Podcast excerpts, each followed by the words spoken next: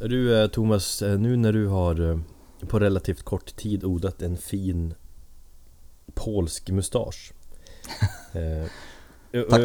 Jag, jag måste säga att jag, jag gillar den, du får ju liksom Jag har genast fått en fin Helt annan Karaktär i ditt utseende Du passar mycket bättre nu liksom på att sörpla på Ditt rödvin som du gör ibland Mm. Och så ser det ut att vara en snubbe som gillar att filos- filosofera och Eller kanske något djupt ämne och, och snacka Vänsterpolitik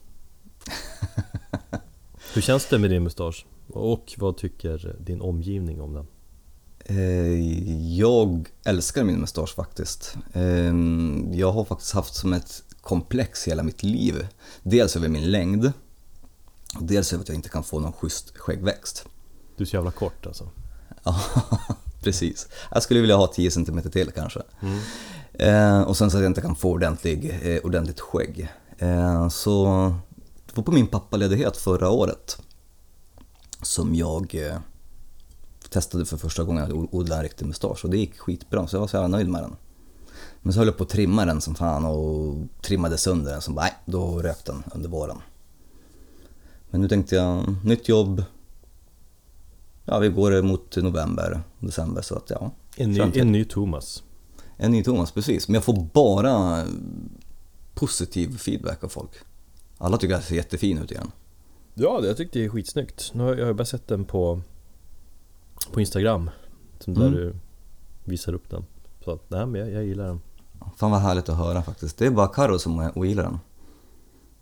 Varför då? Att Nej, den- jag vet inte. Den, den stör henne. Det är en kittlar och sticks. Mm. Nej men hon vänjer sig nog Folk kommer att tycka det är mysigt Ja, precis. Ja men det känns bra att det inte bara jag som har hår Hårväxt i ansiktet Lite mer tatueringar på det också bara. Ja jag får tatuera pungen framöver Ett upp och nervänt kors. Ja, då kör vi Det tycker jag.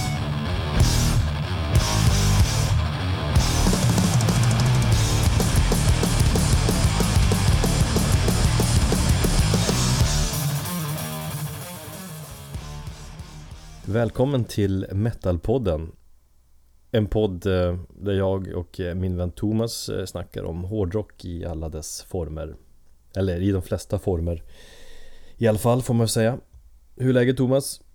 Eh, Ja tack, det är bra. Ah, sorry, jag satt här och sippade på mitt rogivande te. Hur har din helg i Västerås varit? Eh, Den har varit riktigt avkopplande. Trots att det har bara varit kalas hela tiden. Det brukar ju vara döden annars Eh, Ja, absolut. Vi kom ju till Västerås sent på fredagen och sen så var det full rulle från ja, halv sex på morgonen när man vaknade. Dels med en grabb som vägrade sova och sen så min svågers 40-årskalas och min sambos lillebrorsas 25-årskalas. Vilket, kal- vilket kalas var bäst? Jag delar ju upp mig så att eh, de var väl lika bra, det är väl så jag får säga, jag får vara diplomatisk. Så jävla diplomatiskt svar Ja, det var det. Men det var lugna fester i alla fall. Vart var det, fanns det mest alkohol? Det var På- 40-årskalaset Nej, på 25-årskalaset faktiskt. Va? Ja. Där var det riktigt mycket alkohol. Då var ju den festen bäst Fast du behöver Ja. inte säga Ja, du sa det, bra Vad har du själv gjort? Nej, jag har tagit det lugnt Jag tog ledigt i fredags faktiskt Eller tog ledigt från torsdag efter lunch Och så, då kom eh, morsan ner från eh, norr Och så har vi bara umgåtts och haft det härligt Okej. Jag har också haft en väldigt så här, rogivande Mysig helg Jag såg att du var där borta i, i skogen, i Görvens slott. mm. Mm, det, jag, var, jag skulle åkt dit förra söndagen, men jag kom aldrig iväg. Det blåste och var kallt som fan Mm. Det är väl skönt att få lite avlastning med ungen också. Ja, ja Det är hur skönt som helst Jag har börjat dras allt mer till eh, skogarna faktiskt. mm. Jag vet inte, har jag sagt det till dig tidigare? Nej Nej, men det, det började för eh, ja, över ett halvår sedan säkert. Så att jag får Så jag bara mer och mer börjat fundera och tänka på att jag, vill ut i skogen eller befinna mig i skogen eller bo i skogen. På, I olika dess former. Hur- bodde du när du var eh, liten, ung i Västerås? Jag bodde i förorten fast eh, nära skogen. Mm. Så du hade hela, hade- hela tiden tillgång till skog och mark? Ja, ja absolut. Den var riktigt läskig den där skogen också. Mm. Jag tror att det har någonting att göra med eh, att du har fått barn och då vill man på något vis göra samma sak eller man vill att sitt barn ska uppleva samma saker som man själv upplevde. Det är som vi som har flyttat till hus för att både jag och Linn är uppväxta i hus och då vill vi att vår son också ska få bo i hus och sånt där. Och nära skog och mark. Jag tror att det är något sånt där. Jag vill bara bort ifrån människor. Eller så är det bara så. Ja, så känns det i alla fall. Men det var skönt att få lyssna på, på Dark Throne i alla fall i skogen. Det kändes jävligt true att få göra det. ja, Ja. ett riktigt såhär Norrlands guld moment. Mm. När man, vara, när man bara vill vara för sig själv en stund. Ja men det är fint.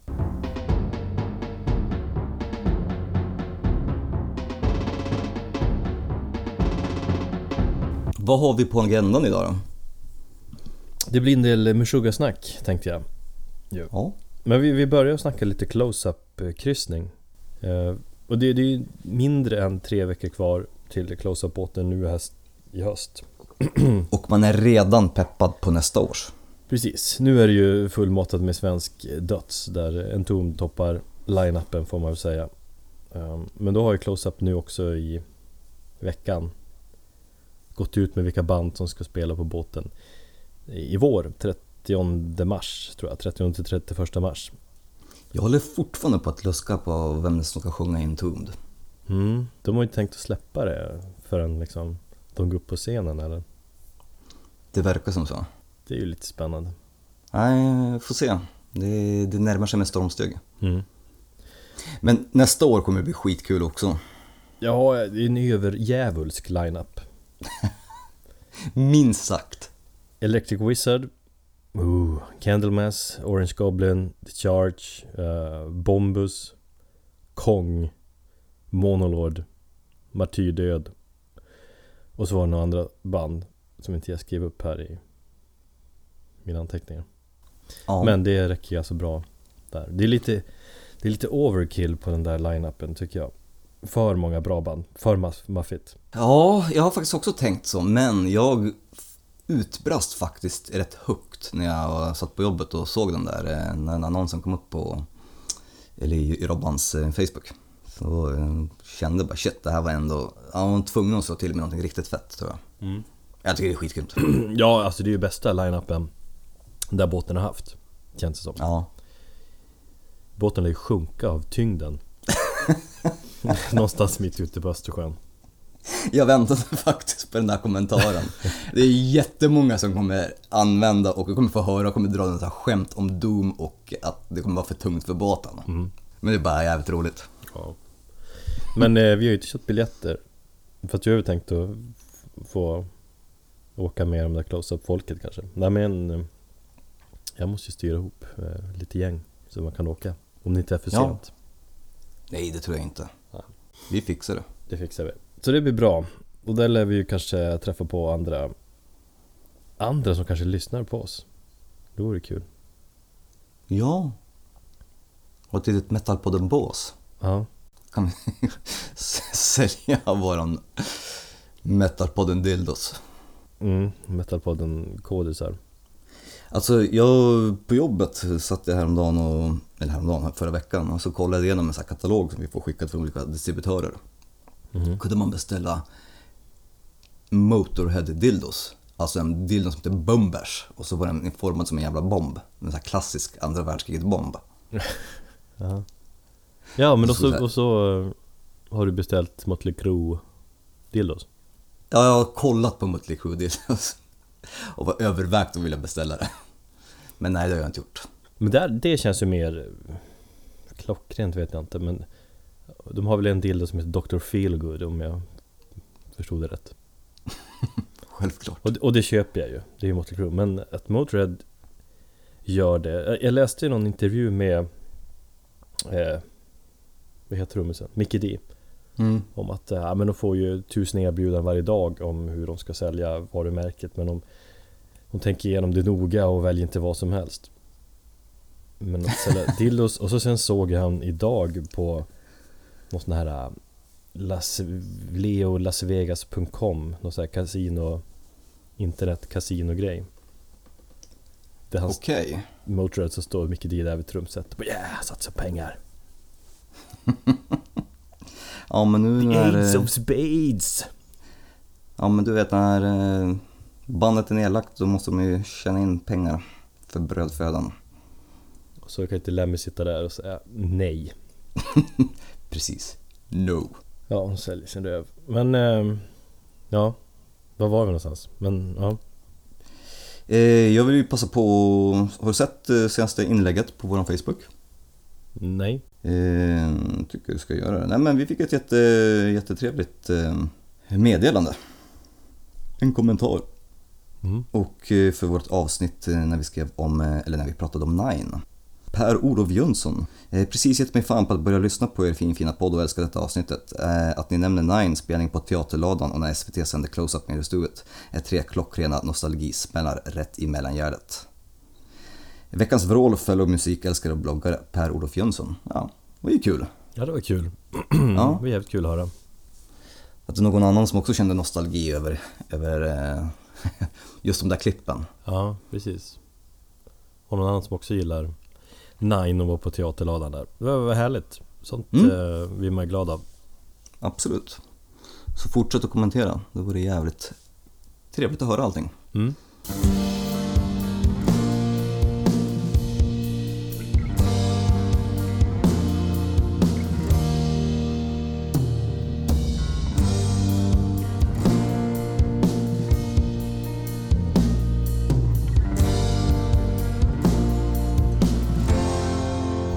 En annan eh, festival, eller en festival Close-Up är väl inte en festival, men eh, på tal om... Det är två dagar, klart det är en festival. Ja okej, På en båt. mm, förlåt En annan festival då Som börjar närma sig lite grann Det är Roadburn 2017 Just Och ja. eh, första banden släpptes ju här om veckan Och det var väl egentligen inget som jag, jag säga, gick jättemycket igång på sådär. Coven gör sin första spelning på tusen år. Kan man säga psykedeliskt rock eh, från Ja, för fan, de är ju jättegamla. 60-talet faktiskt, tror jag. Ja. Och det är första spelen de gör i Europa överhuvudtaget också. De lyckas ju alltid få dit sådana här lite Väldigt udda spelningar, eller ovanliga. Mm. Uh, det jag gick igång på dock är att John Baisley från Baroness är uh, sån här uh, curator. Är, är kurator en svensk korrekt översättning på det? Det tycker jag nog. Mm. Han kurerar musiken. Kurerar tror jag blir dock kur, Han kuraterar kanske? Kuraterar musiken. ja. Ja. Nej men det är coolt. Han kommer ju vara den som på fredagen på festivalen då eh, på huvudscenen eh, har bestämt eh, banden eller bokat banden, man säger. Och på lördagen på scenen Het Patronat eh, är det också han då som har, har valt banden. Eh, sen ska ju Baroness själva spela också och det blir trevligt. Jag är inte sådär jätte... Jag fick ingen, ingen riktig wow-upplevelse när jag såg eh, de här första släppen. Nej, inte jag heller. Och det oroar mig lite grann med tanke på att jag skulle ja, förlora min Roadborne-oskuld tillsammans med min sambo nästa år. Ja men det var ju, det är ju bara släppt typ sex band och det brukar ju vara några stycken till om man säger så. Mm. Ja, men det blir det är ju lite kul att fundera på vilka band som eh, John Baisley här kommer att eh, boka. Han är ju känd, förutom att vara sångare och gitarrist i Baroness, är han känd för sina eh, skivomslag och har gjort en del eh, gre- ja. grejer eh, och merch och t-shirts. Han har tryckt till eh, bland annat Kvelertak då, eh, Kailisa, Pig Destroyer, eh, Black Tusk och Metallica faktiskt. Eh, så det vore väl ingen en jätteöverraskning om någon av de banden, förutom Metallica då, kommer uppträda. Vad har han gjort med Metallica då? Nej men han har gjort något så här t-shirt-tryck. Han och James är ju polare. Jaha, okej. Eller James är jättestort Baroness-fan. Ja. Eh, Men hur som helst, det ska bli lite spännande att se vilka band han bokar. Jag tror att det kan bli en del bra skit, det blir det alltid. Och han verkar ju ha bra smak också. Han verkar vara en jävligt trevlig kille. Ja, Jag får både intrycket när jag ser intervjuer och honom och YouTube-klipp. ja men han verkar vara liksom helgjuten genom eh, trevlig snubbe liksom. Ja. Det kanske inte alls har bra smak, för vet jag, men han, det känns som att... Eh, han, det han finns vet en kille, vet kille på alla sätt. Ja, nej men han är, det finns någon intervju med honom, så här stor, alltså filmad intervju på YouTube, om det var typ bara Baroness hemsida, mm, precis innan släppet av eh, Purple. Mm. Där han är liksom, ja, dottern är med och, och umgås i, liksom, i um, musikrummet och när man spelar in har sig liksom. Så det är jävligt, jävligt grymt tyckte jag. Ja, Men jag måste säga, jag tycker att hans konst börjar bli lite väl repetitiv. Omslagsmässigt alltså. ja. Det kan man vid det här laget. Har man sett Kvällertak så har man sett nästan allihopa känns det som. Mm. Det där får han fan hitta på nytt. Vi är less.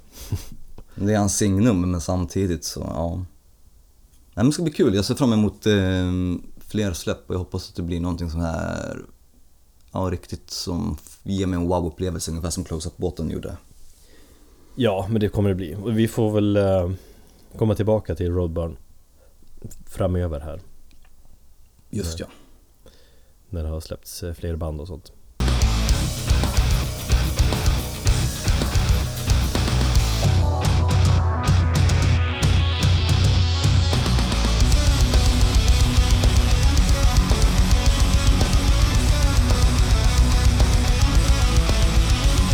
Eftersom det är eh, Meshuggah-tider just nu med en ny skiva och de ska ut och turnera röven av sig och så vidare så är det ju dags att snacka lite Meshuggah tycker jag.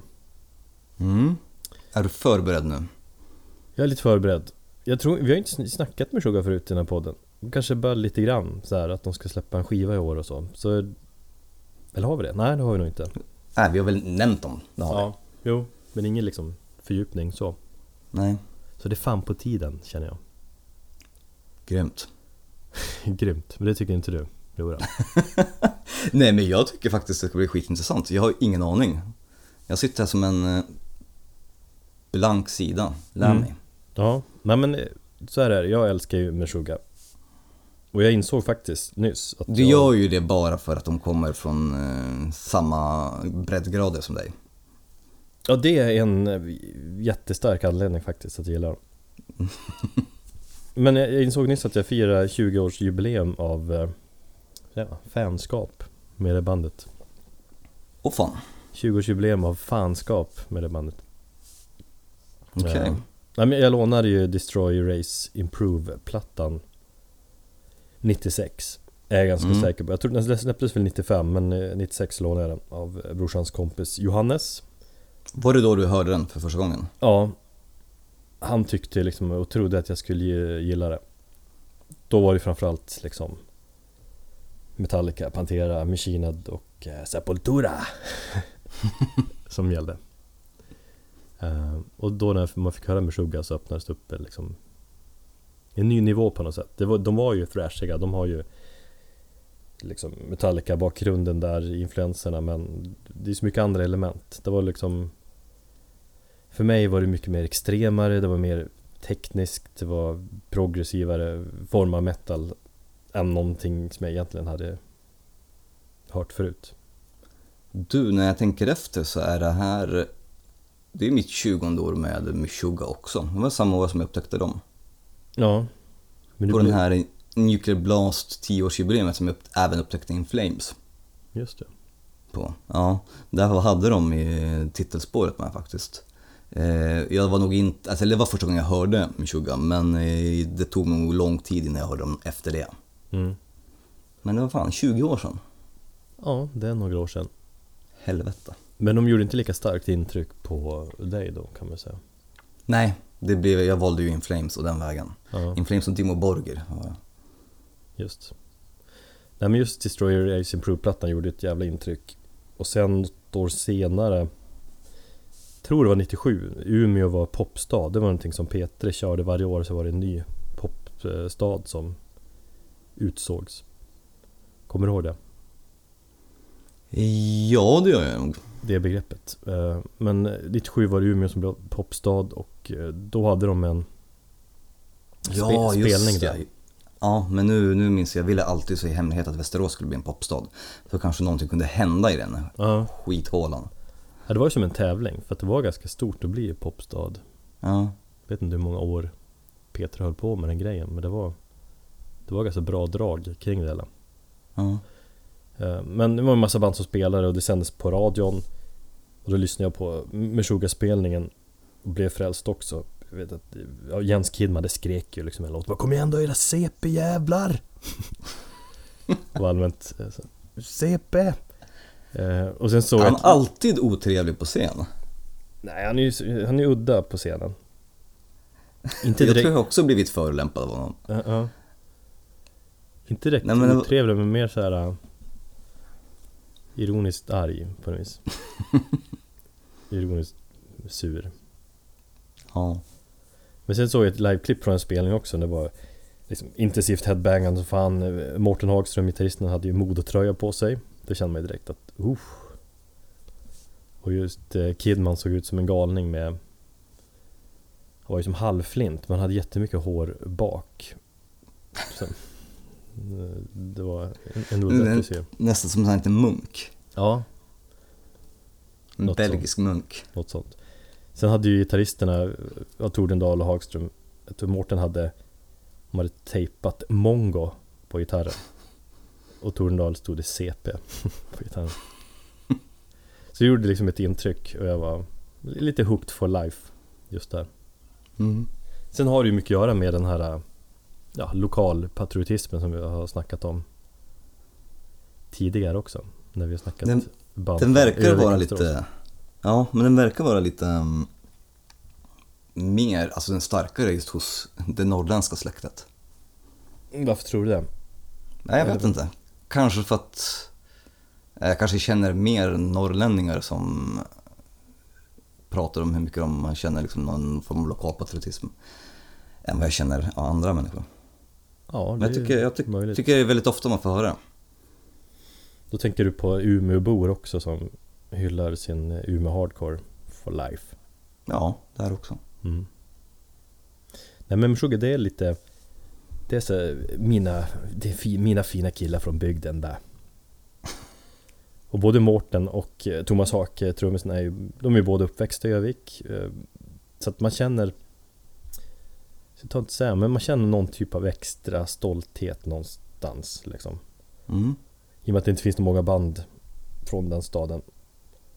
Och så känns det också lite som att jag känner Mårten, men ändå inte. Vi har ju en, en gemensam vän och jag har träffat honom, men jag kan inte säga på något sätt att jag att jag är polare eller känner honom så, men i och med att han är från Övik eh, Han har ju faktiskt flyttat tillbaka dit för ett antal år sedan De andra bor ju i Ja, de bor ju här i Stockholm De gör det? Ja, Ja, fan det visste jag inte. ja.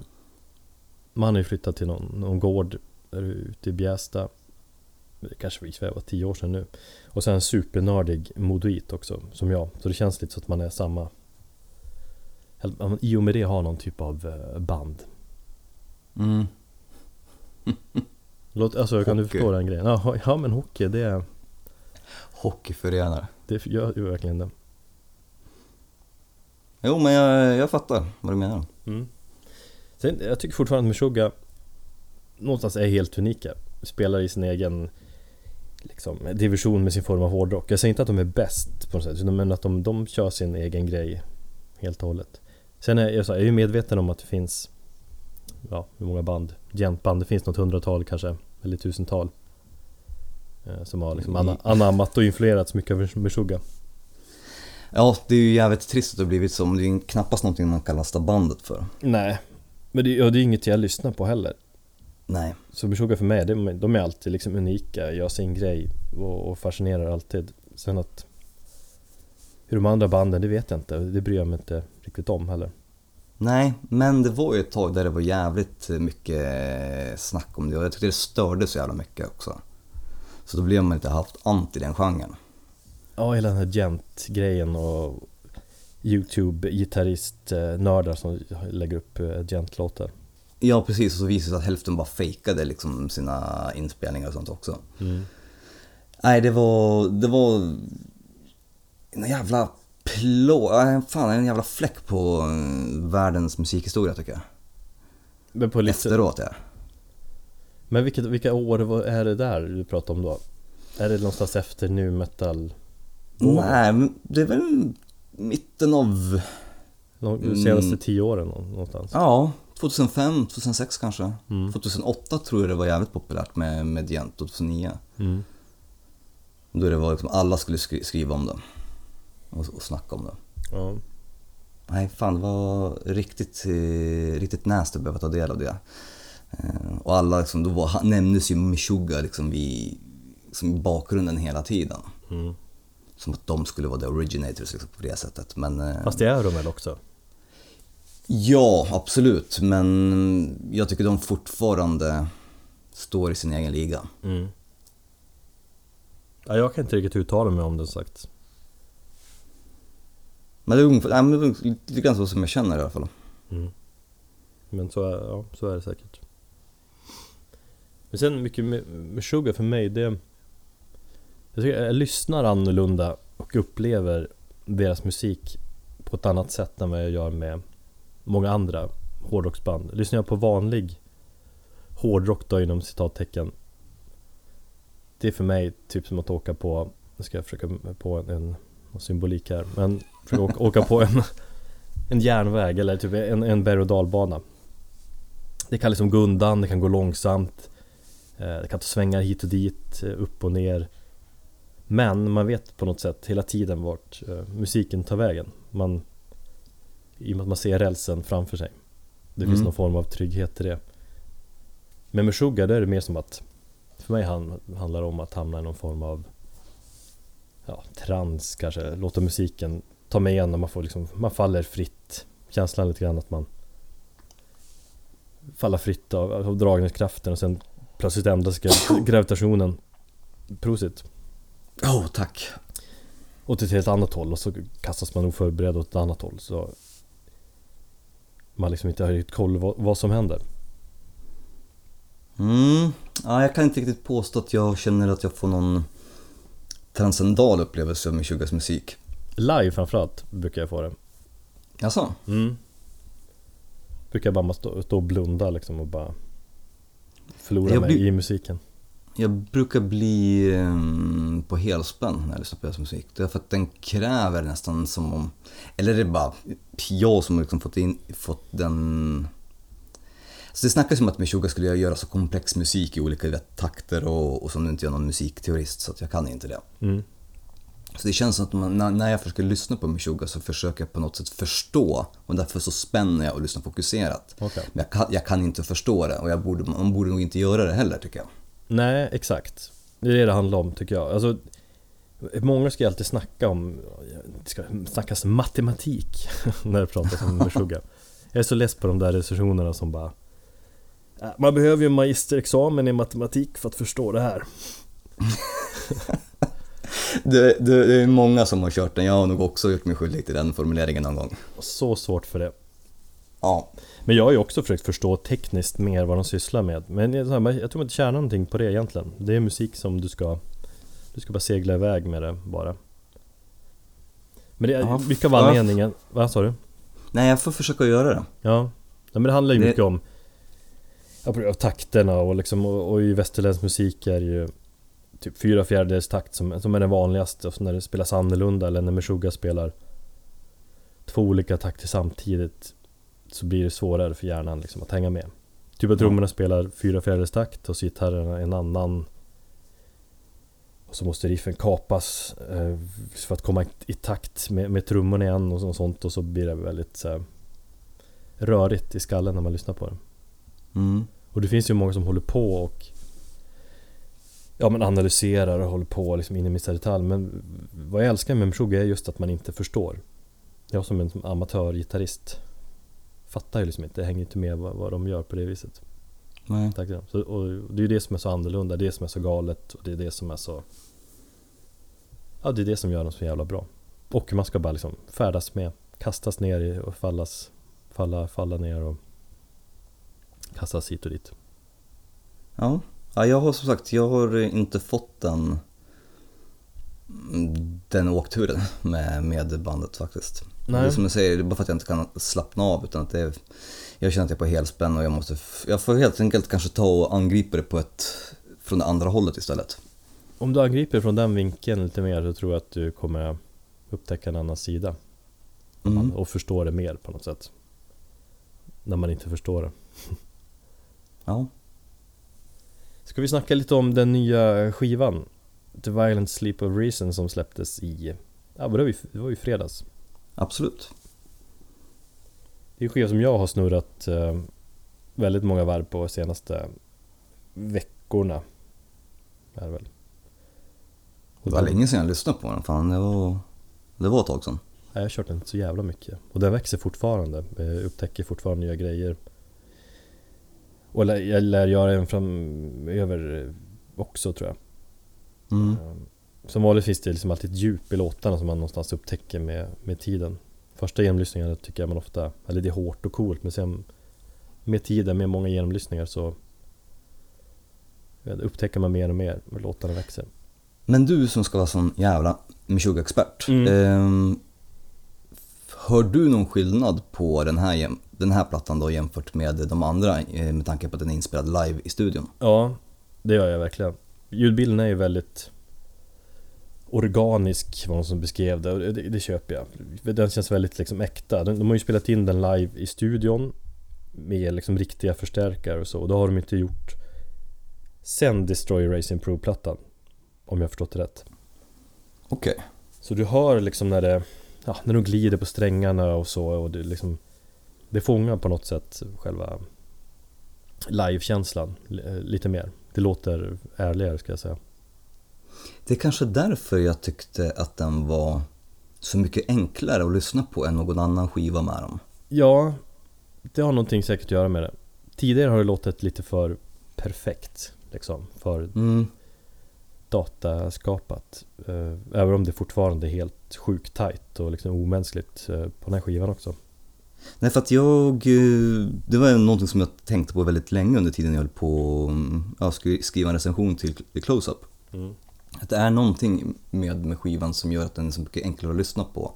Men jag kunde inte riktigt sätta fingret på. Jag tänkte på att de kanske hade ja, men, skalat ner lite grann på mm, matematiken så att säga. Och Ja, kört det- lite mer.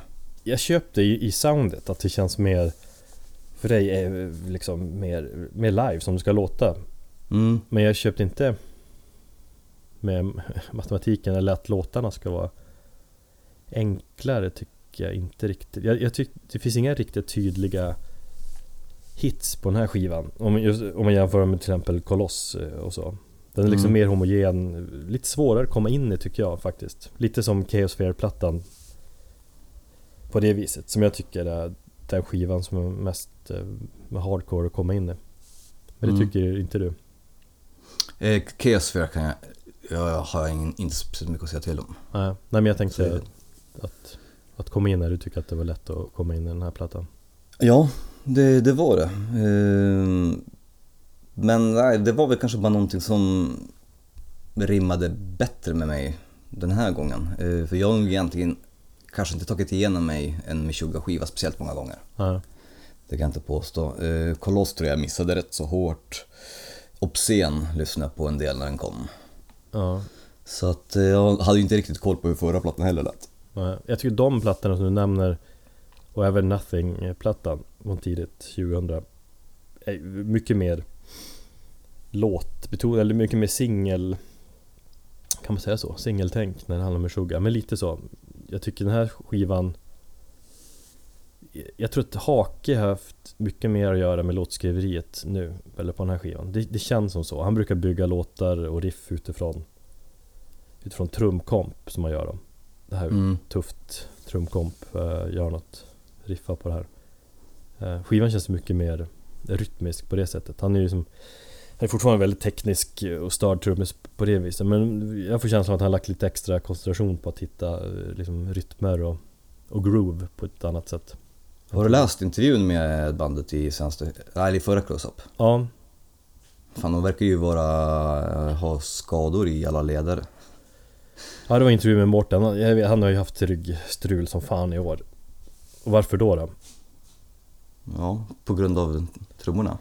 Nej, Mårten. Eller? Nej men han har ju spelat hockey. Så han fick någon tackling eller något sånt här.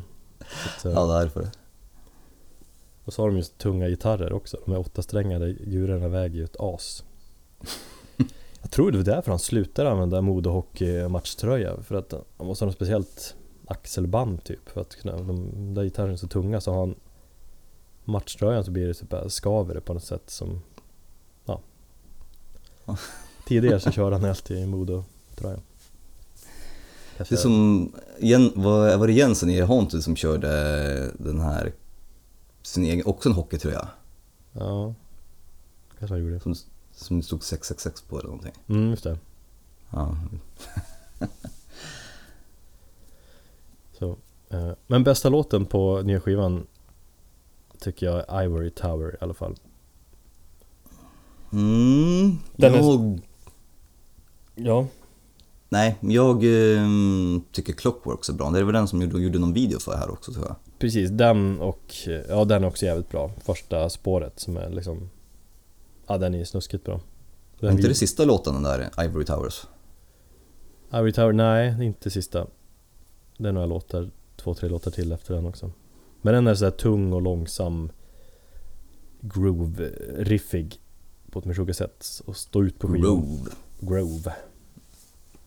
Påminner väldigt mycket faktiskt om låten Det är med, det är med Urge, eller fan man säger, från förra plattan. Demiurge. Det är med Urge, brukar jag säga. faktiskt. En, maffig jävel, så att låt. Men eh, absolut eh, bra skiva. Även om det, det tar ett tag innan man kommer in i den. Vad har du satt för... Var det med i soundcheck förresten, i close-up? Ja, Vad satte du betyg då? sju av tio. Mm. Eh, och av motiveringen då att jag tyckte det var den lättaste plattan med Meshuggah som jag har hört. Mm. Och som krävde minst fokus, jag kände, kände mig inte lika stel när jag lyssnade på den. Eh, och sen är det faktiskt den plattan som jag, med bandet som jag hört flest gånger också. Som jag har liksom kunnat bara köra flera gånger om och om. För att jag har känt att jag har velat göra det. Mm. Så en, eh, en sjua. Men Stabil jag är fin sjua. en stabil fin sjua. Mm. Jag ligger någonstans där också, 7-8 tror jag ändå. Mm. Vilket är det bästa albumet med dem då? Det där är ju faktiskt jävligt svårt. Det funderar jag på ibland, men eh, kanske Nothing-plattan ändå. Jag tycker att det är mest, mest minnesvärda låtar. Liksom bra blandning mellan fart och eh, tyngd, eller vad man säger. Men och just med den plattan så blommar de ut helt i den med Sugar Steel som de har kört på sen med, med sen dess någonstans. De har ju sitt liksom formler som de har men ja, varje ny skiva så är det väl fortfarande lite eh, variationer på, på det hela. Men just den Nothing har de ändå kört på ett speciellt spår som är väldigt, väldigt mycket med Sugar helt enkelt. Alright, när kom den plattan? 2001 tror jag. Mm. Jag lyssnade inte så mycket på Catch eh, 33. Mm. Jag bodde, eller jag pluggade spanska, nej inte spanska utan eh, engelska på Malta. Mm. Och två av mina rumspolare eh, som kom från Nyköping var hårdrockare. Och de körde Meshuggah jävligt ofta. Och just den, eh, så det var 2005 var det. Mm. Men det är ju ett enda långt spår va? Ja precis, i stort sett. Eller ja, det är som upplagt som en enda lång låt. Ja, jag tror den till och med var kuttad på CD-versionen. Jag sa. Ja. Mm. Och så var det någon jävel som satte på den på shuffle. Jag tror det. Det fun- funkade inte alls. det är faktiskt fail. En riktig jävla fail. Mm. Eh, men jag kommer till, faktiskt till den skivan snart också. Ja. Jag ska lämna. Men eh, någonting som jag också vill ta upp med bandet eh, Som jag tycker står ut väldigt mycket med det här bandet är ju deras speciella humor Som känns ja, väldigt mycket en typ av Norrlands humor Jag tror att det är därför jag gillar Eller- dem så mycket också Ja, det är, visst är det väldigt mycket norrländsk typ. Ja det är det verkligen det är säkert, ja, jag tror att det är därför jag känner en speciell form av band till dem också. Jag förstår deras humor på något vis. De är lite så här små, bittra och ironiska konstant. Det är egentligen den bästa humorn. Ja. Ja. Jag tycker det. Det är lite svårt att förklara den humorn egentligen. Men jag, jag har några exempel som jag antecknar ner här. Blir det en lista på, på eh, deras bästa humor? Ja, någonstans så Nej, det kommer, All en, right. kommer en lista snart Eh, Men ett exempel är Meshuggah the Movie, har du sett den? Nej? Den ska du se, det är någon form av behind the scenes eh, video från sent 90-tal, Chaosphere-eran där Där man får följa bandet i staterna och i, i studion Eh, Väldigt bra skit En klassiker i Meshuggah-världen skulle jag säga Mm. Eh, Så ser du den kommer du fatta lite mer, eller fatta kommer du se lite mer av deras humor. Sen har du gjort en musikvideo till eh, New Millennium Cyanide Christ, den har du säkert sett. Eh, det kan jag ha gjort faktiskt. Där de liksom grav allvarliga sitter och luftspelar till låten i turnébussen. Nej, men fan nej, det har jag inte sett alls. Den är ju klassisk. Jag tror det är deras första video också. De var väl jävligt fulla när de spelade in den också men Ja, det är riktigt jävla bra Sen har ju Jens också, sångare Jens gjort en egen video till Rational Gaze När den kom eh, I sin egen lägenhet där han spelar alla andra bandmedlemmar i bandet Också så här genialisk eh, video Ja, vi får lägga upp dem på hemsidan. Absolut. Och också liksom ett eh, bevis på Eller visa deras eh, typ av humor Sen brukar de vara jävligt kul att spana in Deras bandbilder Jaha. För just enligt standardmall A så ska du Om du spelar ett hårdrocksband Se sammanbiten ut och stå Du vet Upp och ner eller helst i Typ band-t-shirt och eh, i något skitigt eh, coolt industriområde Och posera Eller hur? Det är liksom när man kollar, bara man bläddrar igenom close-up och kollar på alla bandbilder känner man vad fan Ja, eller vid det här, eh, nu har jag ju glömt bort vad det heter, korset. En tom korset. Ja precis, så om man är döds så måste man ju åka till Skogskyrkogården Skogskyrkogården, så heter det. passera korset. Men det är ju samma typ av liksom Det är få bandbilder som står ut Inom så här, hårdrocksvärlden Mm. Men där har Meshuggah ändå genom åren Varit jävligt underhållande på sina bandbilder Jag vet att eh, Kristoffer Röstlund Gjorde ett specialreportage om, om bandet i Aftonbladet Hårdrock Okej. den, här, bilagan eh, För några år sedan när de firade 25 år som band var det väl då eh, När var det? 2011? 2012 eh, blir det sånt. Ja. Nu har jag inte kvar den tidningen men det var jävligt roliga bandbilder där Var det den du efterfrågade här? Förra veckan? Ja, Ja. jag vill liksom eh, titta om det verkligen var så Ja du Mm. såg det eller? Japp. Men jag skriver på Twitter Ja, ja, men jag kopplade aldrig vad det var. Nej. Ja men därför blev jag också jävligt besviken på de nya bandbilderna Nya som pressfotorna som de släppte nu Som fanns att titta på i senaste Close-Up Magazine också Mm. Då har de här klassiska mörka bilderna Du vet, blått filter och så ser de bara hårda ut Det är inte ens en grimas eller någonting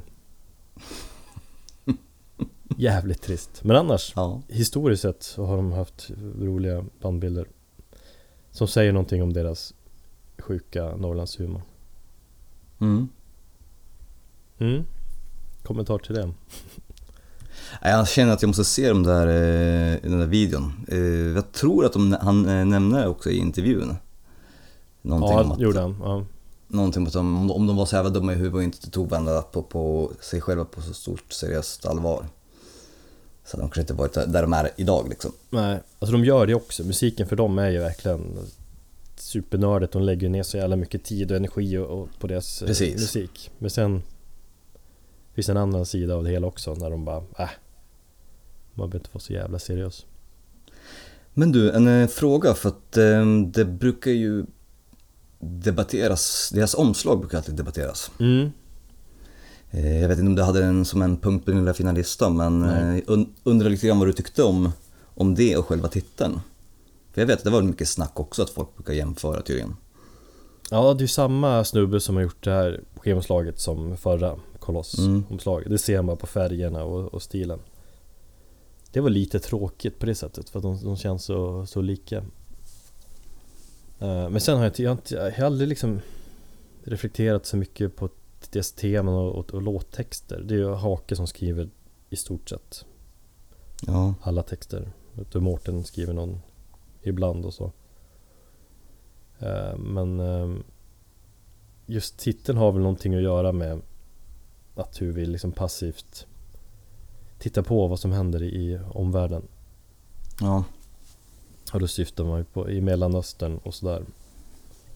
The violent sleep of reason. Um, jag läste att det kom från något, eh, från någon gammal bok eller någonting. mm, En gammal författare som hade någon, någon bok som hette så.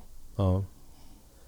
Så det är väl lite politik och religion och så här, men annars har man väl ganska så existentiella textteman och så. Eh, ganska så avancerade texter som, nej vi har aldrig liksom Ja du vet jag är ju inte textkillen så ofta Nej.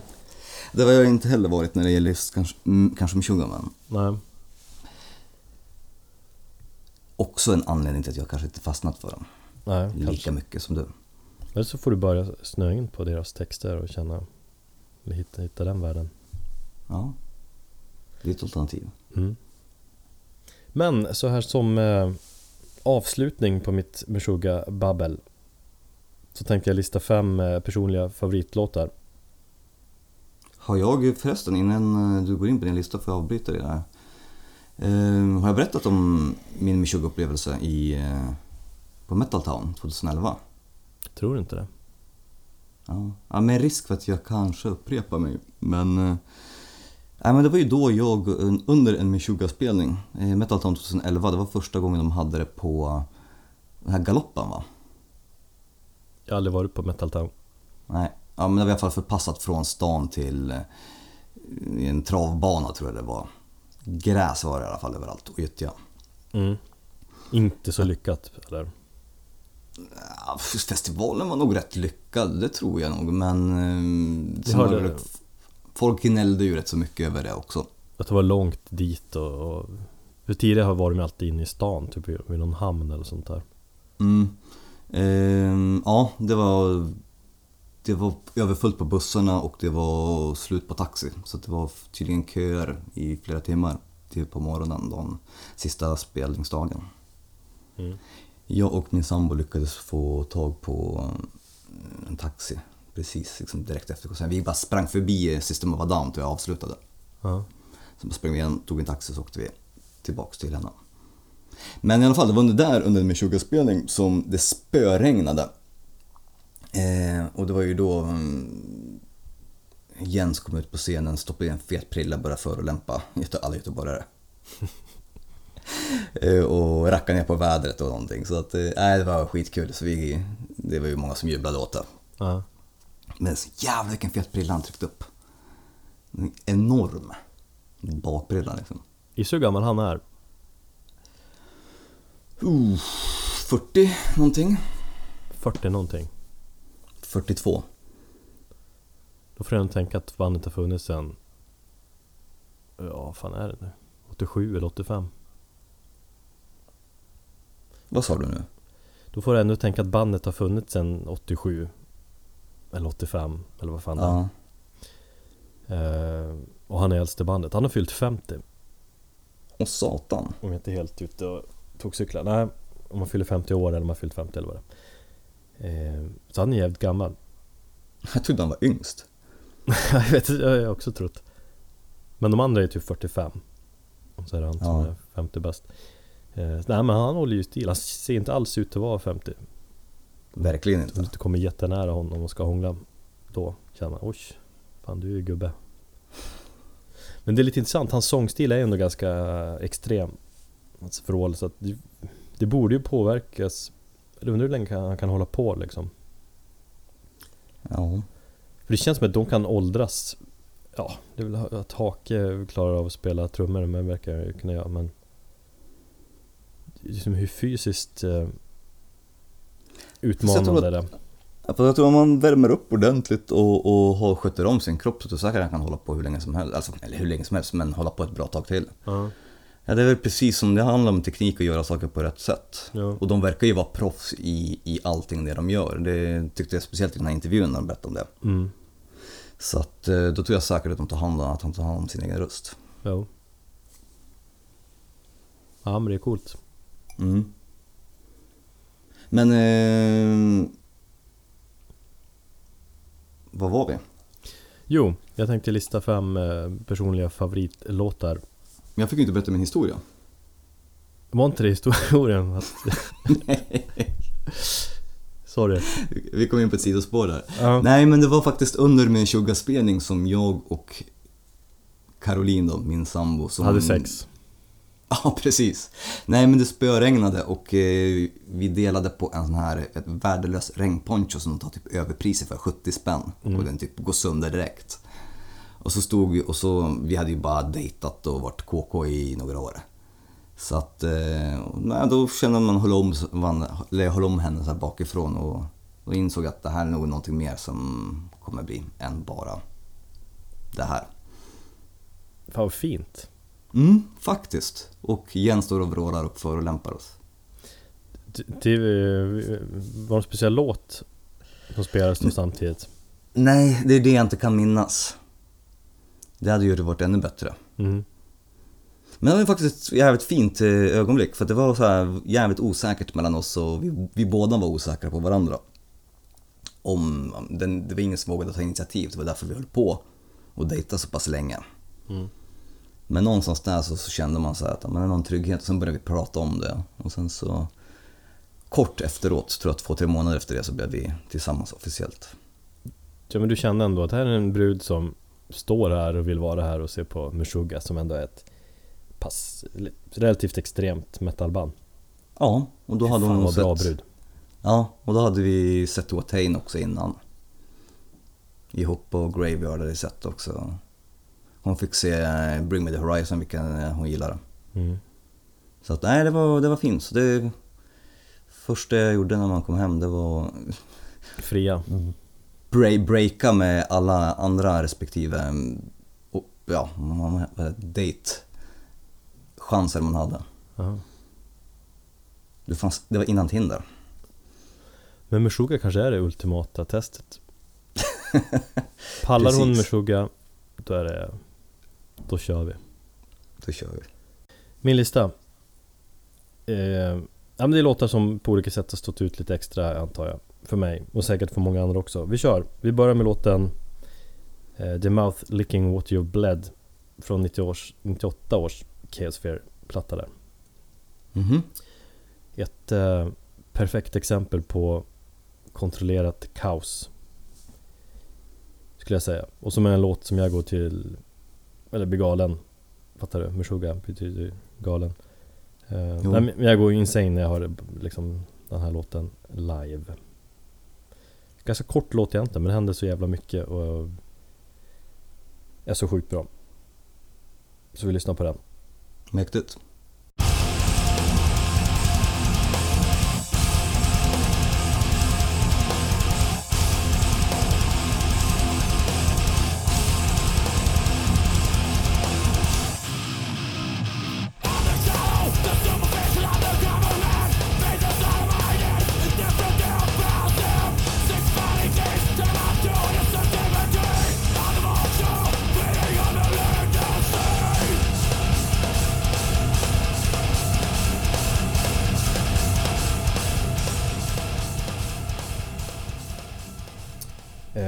Andra låten 2004 så släppte de EPen I Som består av en enda lång låt på 21 minuter Just ja.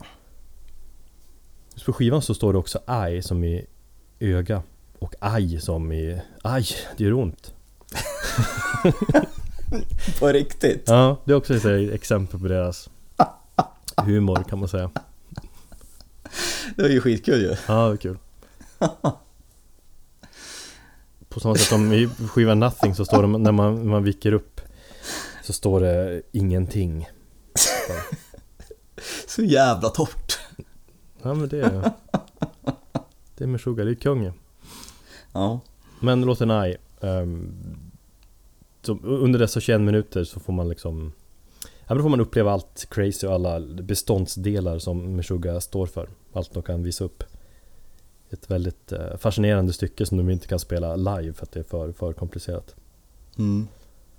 Och de fick ju liksom smak för det där ordentligt. Eh, året efter släppte de ju nämnda skivan Catch eh, 33 där. Som i stort sett är en enda långlåt. Som man inte ska lyssna på i shuffle. Verkligen inte. Så vi kör ett parti från I.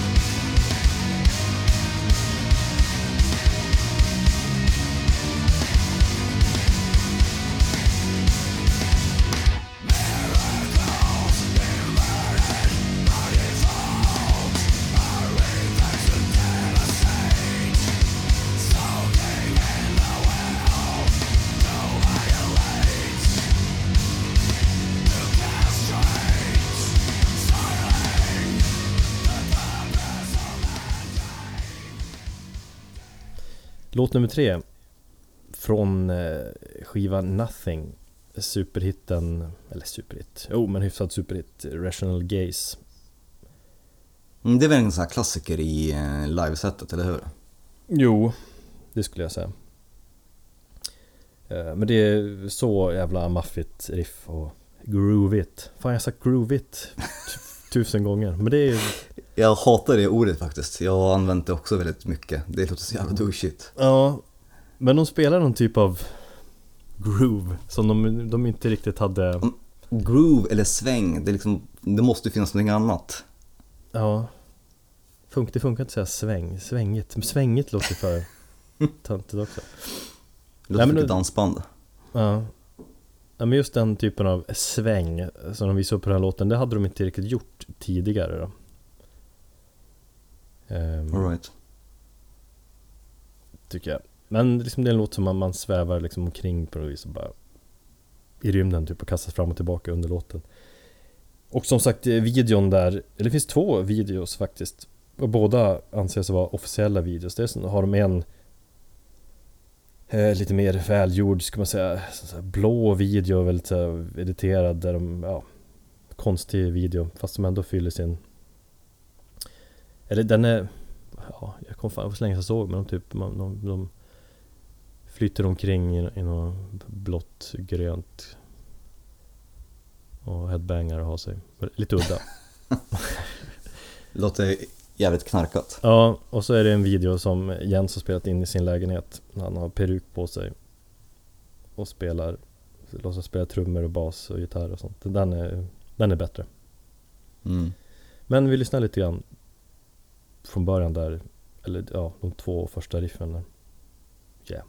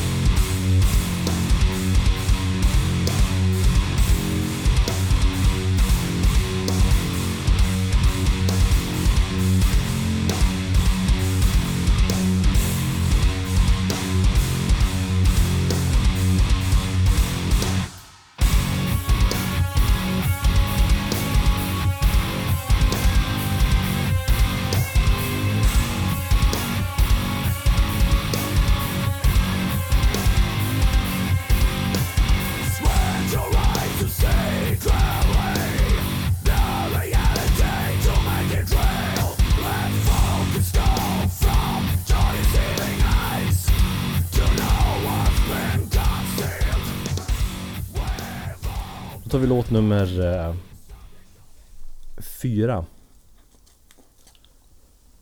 Du nyfiken? Ja. Ja. Mm, Eh, nej. Straw- ja, st- också från Nothing-plattan faktiskt, inser jag ju. Eh, Straws Pulled It Random. Som är också en sån här live-favorit. Också en sån här YouTube-favorit. Det finns ju x antal eh, YouTube-videos som har, de har klippt in den låten till Typ när folk dansar, typ ryssar som dansar. Och så har de klippt in den låten. Eller nå När Homer i Simpsons dansar. Ja det finns också säkert eh, Eller typ några koreanska brudar som dansar eller sån där Det finns något, finns något briljant klipp, en sån här 70-tals disco och dans och så har de klippt in den här låten All right. Väldigt underhållande Alltså jag måste ändå ge dem eh, det att de har en förmåga att skriva jävligt coola låttitlar. Ja Jag tror du skulle säga jävligt coola riff, för det är det jag tänker på när jag Ja, det också, men Mm. eh, som, låt, eller som textkillen så tycker jag Straws Pulled It Random och Rational Gaze och många andra låter jävligt ballt bara. Ja, Det låter Ja, coolt. lite jävligt coolt Det håller jag med om Mm. Ehm, Men just riffet som kommer in där cirka, jag tror en halv minut in i låten efter introt, det är så jävla bra. Väldigt supermeshuggigt, eh, sådär skevt och, och hänger liksom på tonerna och samtidigt Mm. väldigt dansant på något jävla sätt. Och sen älskar jag hur låten övergår till något mer så instrumentalt, långt, vackert och drömskt parti, den andra delen av av låten. Det är en snygg kontrast. Men vi kör det där riffet. Oh.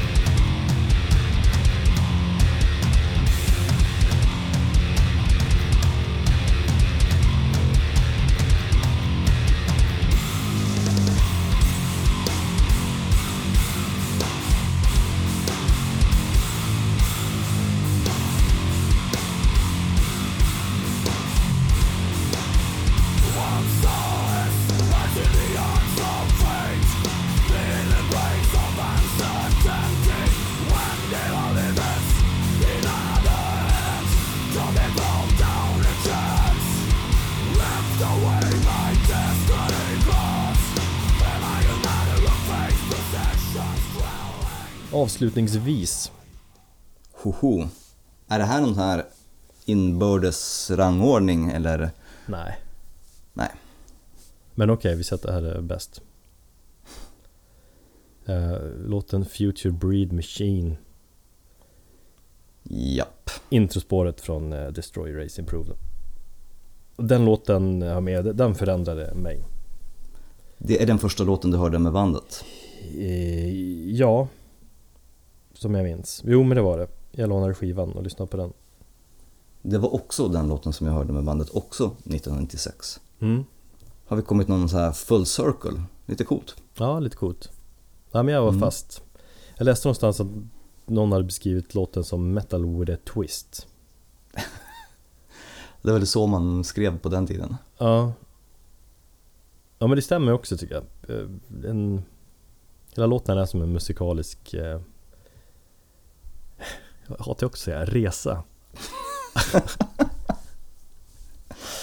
Man får ta och börja öva lite grann på superlativen och Ja, är- alla, alla liknelser. Fan det är du som är journalisten.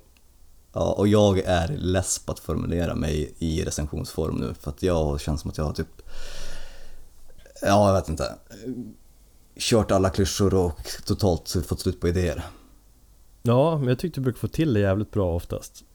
Ja, det jag är faktiskt... kul är- liknelse. Ibland känner jag också att det där Det där var så jävla über genomtänkt. Man, Ja, det, det finns. Jag kanske borde samla ihop alla de intervjuer, eller alla de recensionerna. ja, Nej men jag är nöjd med mina senaste men på, på det som överlag så är jag lite små, småless på att eh, skriva recensioner nu. Därför att jag just på samma sätt som du, liksom, jag hittar inte orden. Nej, svårt att hela tiden variera sig. Ja, och speciellt när man skriver rätt så ofta, eller när man har skrivit rätt så ofta i alla fall. Mm. Ja, nej. Vi får öva på det helt enkelt. Ja men vad ska man välja istället för resa då? När man tycker att en, en låt är som en musikalisk resa. I, i ditt inre. Mm. Eh, Ja, eh, fan vet jag. Nej, fan jag vet jag. Skitsamma. Men jag tycker låten är lite såhär... ihåg- Åktur. Ja, en jävla åktur. en eh, berg och dalbana. Eh, nej, så var det inte. Nej. Skitsamma. Jag, jag minns att jag hörde låten, jag tyckte den kändes science fiction på något vis. Science fiction Mhm. metal. På Ja. något sätt. Eh, konstant varierad låt och fortfarande hur jävla bra som helst. När de kör den live, de har ändrat om lite grann i, liksom, i sound och känsla i den men så att den blir ännu tyngre. Ja, då går man bananas. Men det var väl det. Innan, alltså, eller har vi någonting mer idag? Nej. Det här var ett specialavsnitt om Meshuggah. Jag tyckte det var jävligt eh, kul att få höra dig berätta. Du var väl förberedd. Ja, det blev lite förberedelse kände jag. Mm, du har gjort din eh, research. Mm, min hemläxa. Flosklerna måste vi också sluta med. Ja. Har du någonting att tillägga? eh, om bandet? Ja, men allmänt. Eller om bandet. Nej, allmänt så en ny vecka hägrar. Mm. Och jag eh, är jävligt pepp inför eh, close-up-båten. Jag vill verkligen att det ska bli torsdag snart, den 28. Ja. Så får vi mötas upp där efter jobbet någon gång. Det kommer bli tight för jag ska lämna Elliot hos eh, Elen på jobbet där och sen ska jag dra direkt till båten. Så vi kommer vi Ja, jag kommer vara där typ halvtimme, timme innan båten avgår. Men vi hinner ju säkert ses ändå under kvällen och natten. Absolut, det tror jag. Tror jag. Vad ska du göra? jag har ingen aning. Nej. Vi får, vi får, får se, vi får ramla över bord, vad vet jag. Mm. Ja, möjligt. Nej, jag ska se på dödsmetall. Ja. Ehm, nej men nej, jag har absolut ingenting mer att tillägga. Så att eh, det är en ny arbetsvecka som hägrar och eh, ja, det är Ja. så, så är det. Måndagsångesten börjar krypa på. ja, det hör till. Precis. Tack för att ni eh, lyssnar, som vi säger. Ja, och rekommendera podden till allihopa och fortsätt att eh, kommentera och höra av er. Mm.